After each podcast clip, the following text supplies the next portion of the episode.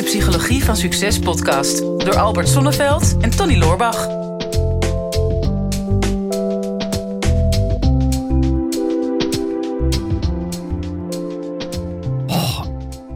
Waar ik af en toe wel jeuk van krijg, eh, Tony, is van die positivo's. Positievelingen. Ja, ja, ja. Je hebt, ik merk in de coronatijd dat je eigenlijk twee kampen krijgt. Hè. Dat zijn eh, veel mensen die in de conspiracy zitten. En, eh, en dus echt wel zien dat er heel veel dingen in de wereld eh, veroorzaakt zijn door andere mensen. En volgens mij ook wel ingegeven door ja, toch een bepaalde behoefte aan controle. Mhm. Eh, hè, want nou ja, als, er zo, als je hele wereld letterlijk en figuurlijk op zijn kop staat.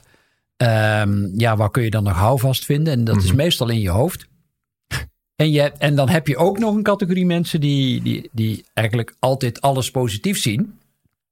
Wat natuurlijk ook een hele mooie eigenschap is. Hè, want ik ben zelf een hele grote voorstander van de, de psychologie van succes, maar ook van positieve psychologie. Mhm. En, en Joost is daar een beetje van in de war. Die, eh, die zegt. eh, Van, jou, van jouw nou, positiviteit. Nou, ik weet het Het niet. is ook wel storend hoor. Ja. Zo, zo als je gewoon eh, zelf eh, lekker, lekker wil mopperen en je staat even niet lekker in het leven, is niks vervelender als een, als een optimist. Die dan, die dan heeft hebben, je moet het positieve ervan inzien. Ja, ik zeg altijd van hoe maak je van een eh, pessimist een optimist door een nog grotere pessimist naast te zetten. Dat snap ik wel. Dat, dat werkt ook wel. Ja, ja, of zoals Theo Maas het zei, een optimist is een slecht geïnformeerde pessimist.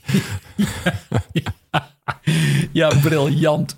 En, en eh, Joost die heeft daar een vraag over gesteld. Die zei van ja, ehm, ik, ik stel mijn vraag gewoon en ik kijk en ik hoor wel of je mijn vraag gaat bespreken. Nou, daar hebben we wel heel lang over gehad. We hadden echt een redactievergadering, hè, Tony, jij en ik. Ja, ik dacht, Joost mag het weten. Joost mag het weten, maar Dus eh, geef gewoon antwoord. Nou, uiteindelijk dachten we, nou, het is misschien wel een vraag waar meer luisteraars naar, eh, naar een antwoord ver- verlangen. Dus laten we daar eens dieper op induiken.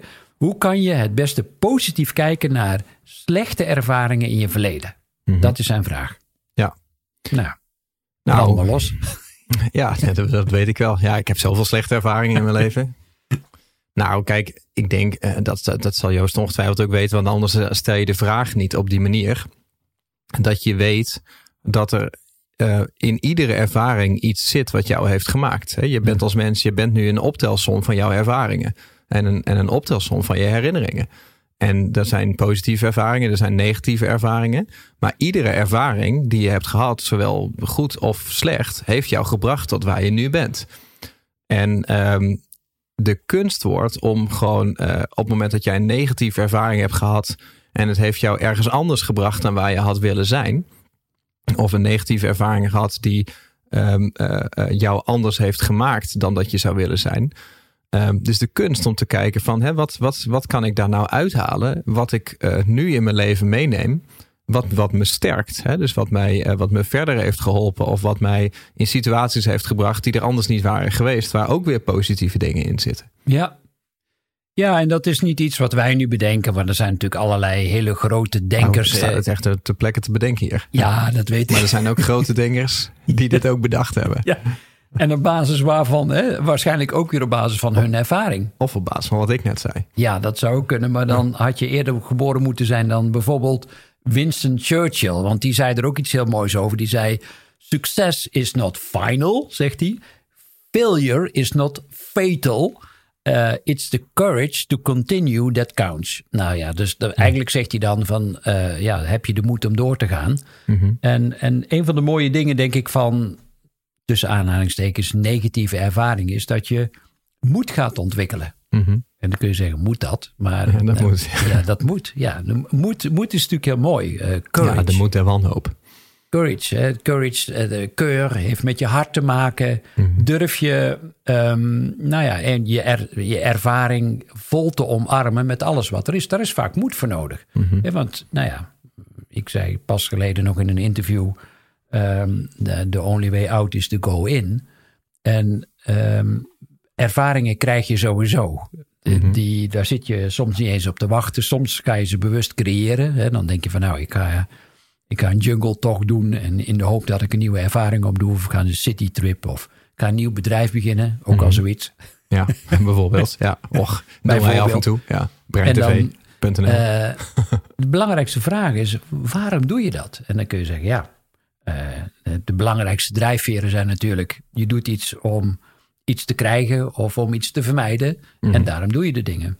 Maar wat je ook doet vanuit het verlangen of vanuit het vermijden van de pijn, uiteindelijk wat het oplevert is de ervaring. Mhm. En waar is die dan weer goed voor? Mhm. Nou, mijn overtuiging is dat uiteindelijk alles eh, op deze planeet bijdraagt aan groei en ontwikkeling en aan creatie.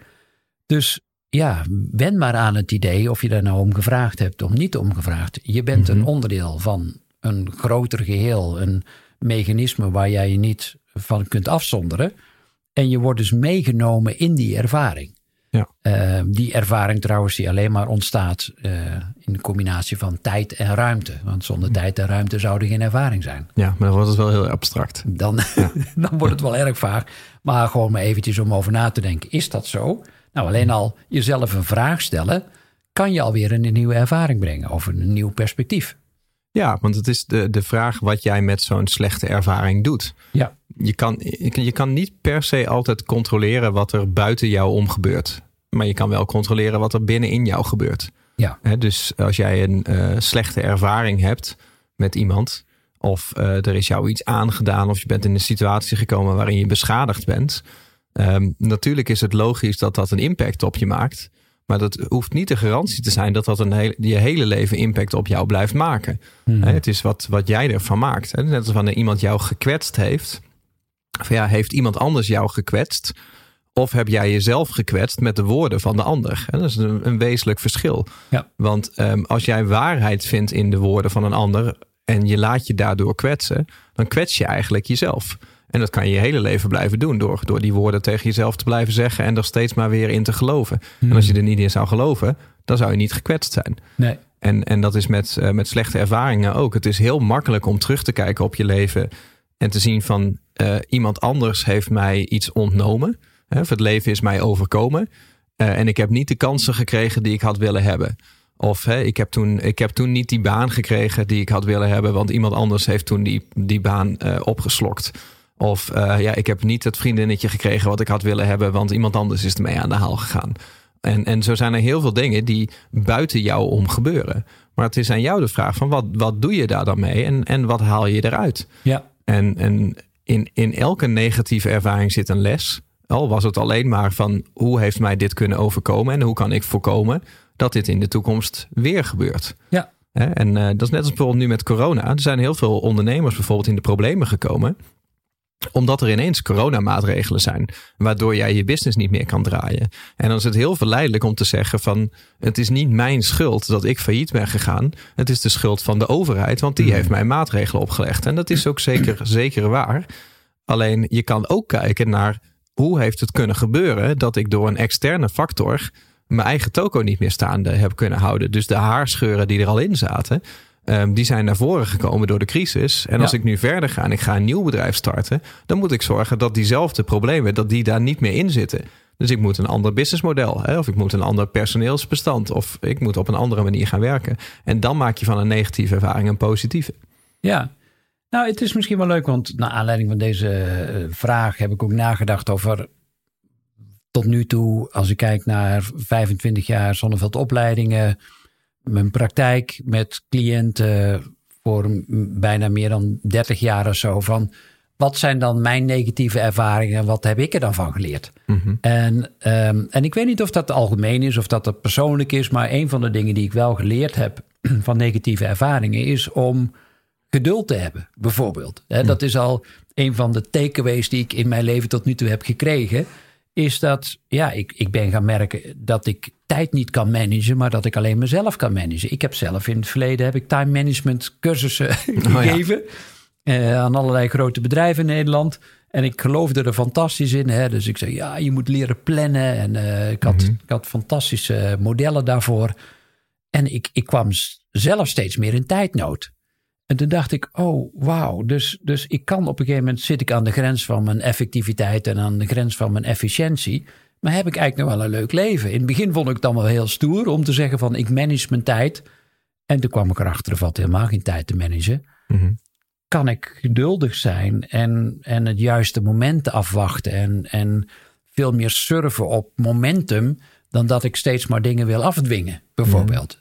Nou, daarvoor, man, je wil niet weten hoe vaak dat ik de deksel op mijn neus heb gekregen. doordat ik dingen wilde afdwingen.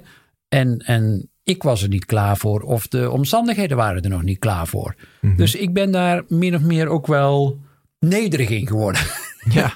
en, en, eh, en niet meer zo stoer van, oh ja, I'm a human doing. Ik zal even zorgen dat ik het hele leven naar mijn hand zet. En dat was ook wel een beetje ingegeven door The Secret, hè, want daar geloofde ik ook heilig in. En de, de, de, de concepten, hè, de, de gedachte achter The Secret, die klopt ook helemaal. Alleen ja, de manier waarop ik hem had ingevuld en de intentie waarmee ik erin ging, was toch vaak vanuit angst en niet vanuit vertrouwen of vanuit liefde.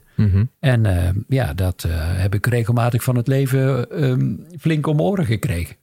Ja, maar eh, ik, denk dat het leven je altijd wel ehm, eh, pijnlijk duidelijk probeert te maken. Ja. Eh, wanneer je niet op de juiste koers zit. Hè, en wanneer je dingen doet die jezelf in gevaar brengen. En ehm, ik, ik kan me dat herinneren van, eh, van, van mijn, mijn burn-out fase dan. En niet om dat dan elke keer aan te halen. Maar ik ben wel zo iemand, net als de meeste mensen die een burn-out hebben gehad. Die zeggen dat is de grootste zegen van mijn leven geweest. Maar het begint natuurlijk niet met een, met een zware ingreep van je lichaam zoals een burn-out. Het begint met veel kleinere, eh, veel kleinere symptomen. En die leer je beter herkennen. Dus op het moment dat je, dat je overprikkeld raakt en, eh, en je bent heel veel negativiteit aan het absorberen op een dag, dan zijn het allemaal eh, neg- negatieve eh, ervaringen die je hebt. En die kan je zelf bij jezelf herkennen. Dat als je negatief overprikkeld bent. Ik bedoel, wat ik bijvoorbeeld destijds merkte, is dat in het begin ging ik bijvoorbeeld veel vaker douchen. Hè? Dan probeerde ik het van me af, van me af te wassen. Vanaf te spoelen, En, ja. en uiteindelijk kwam dat, werd het steeds erger, werd het een burn-out. Hè? Maar je hoort ook van mensen, dan begint het met je gaat steeds vaker douchen, dan spoel je het van je af. Eh, in een iets later stadium eh, begin, je, begin je ziek te worden, begin je over te geven. Dan probeert je lichaam er op die manier van af te komen. Nog een stapje verder is dat je eens een keer flauw valt. Hè? Dat is het helemaal eh, Ja. een knock-out. Of, of een hartaanval, of dus een, of dus een burn-out. Maar de ingreep wordt in ieder geval steeds extremer. Ehm, eh, wa- waardoor je dit kan gaan herkennen. Ja. Maar het positieve erin zit, is dat als het eenmaal een keer iets heel extreems jou is overkomen. En dit is dan gezondheid, maar dat kan ook op relationeel gebied zijn geweest. ehm, of, of op carrièregebied. Dat je een keer heel zwaar geconfronteerd wordt met dat jij eh, de verkeerde levenskeuzes hebt gemaakt. Ja.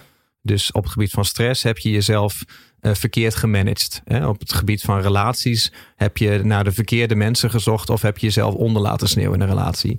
Op het gebied van carrière heb je, ben je misschien niet voor jezelf opgekomen en daardoor heeft iemand anders die baan gekregen. Eh, het komt uiteindelijk bij jezelf. Jij hebt de verkeerde route gelopen.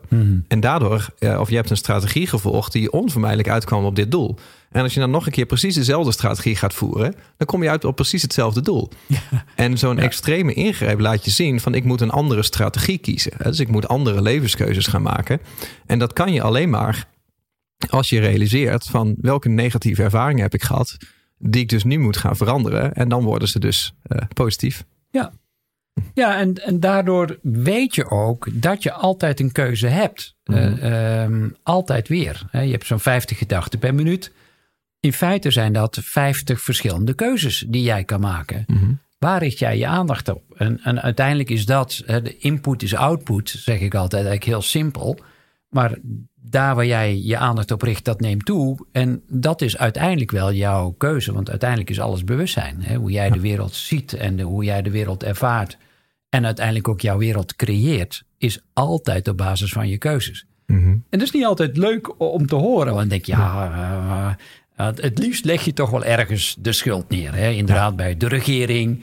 Of bij je partner. Of bij je schoonmoeder. Of eh, bij je baas. Of nou ja, weet ik wie je allemaal de schuld wil geven. Of eh, een, een grote buitenlandse macht. Of een president of wat dan ook. Ja, dat mag je doen, maar wordt je leven daar leuker door? En, en wordt je leuker voor je eigen omgeving op het moment dat je dat doet? Want een van de takeaways die ik ook heb van negatieve ervaringen is dat ik ja, ben gaan leren dat ik het niet allemaal alleen hoef te doen. Dat ik, dat ik ook echt hulp nodig heb. Dat ik ook hulp kan vragen. En dat het leven ook echt leuker wordt op het moment dat ik ook hulp kan ontvangen. Mhm. En in het begin, dat had ik nooit geleerd. Ik vond het juist, dacht ik, heerlijk als ondernemer om te denken van, oh ja, maar nou ben ik helemaal zelfstandig, onafhankelijk en vrij. Ja. Wa, wa, wa, wa.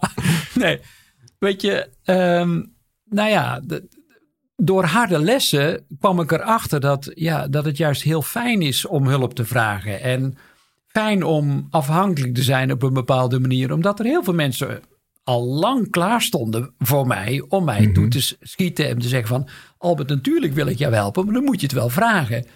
En ehm, nou ja, door, door dingen alleen te willen oplossen, ja, ja, kwam ik in negatieve ervaringen terecht. Mhm.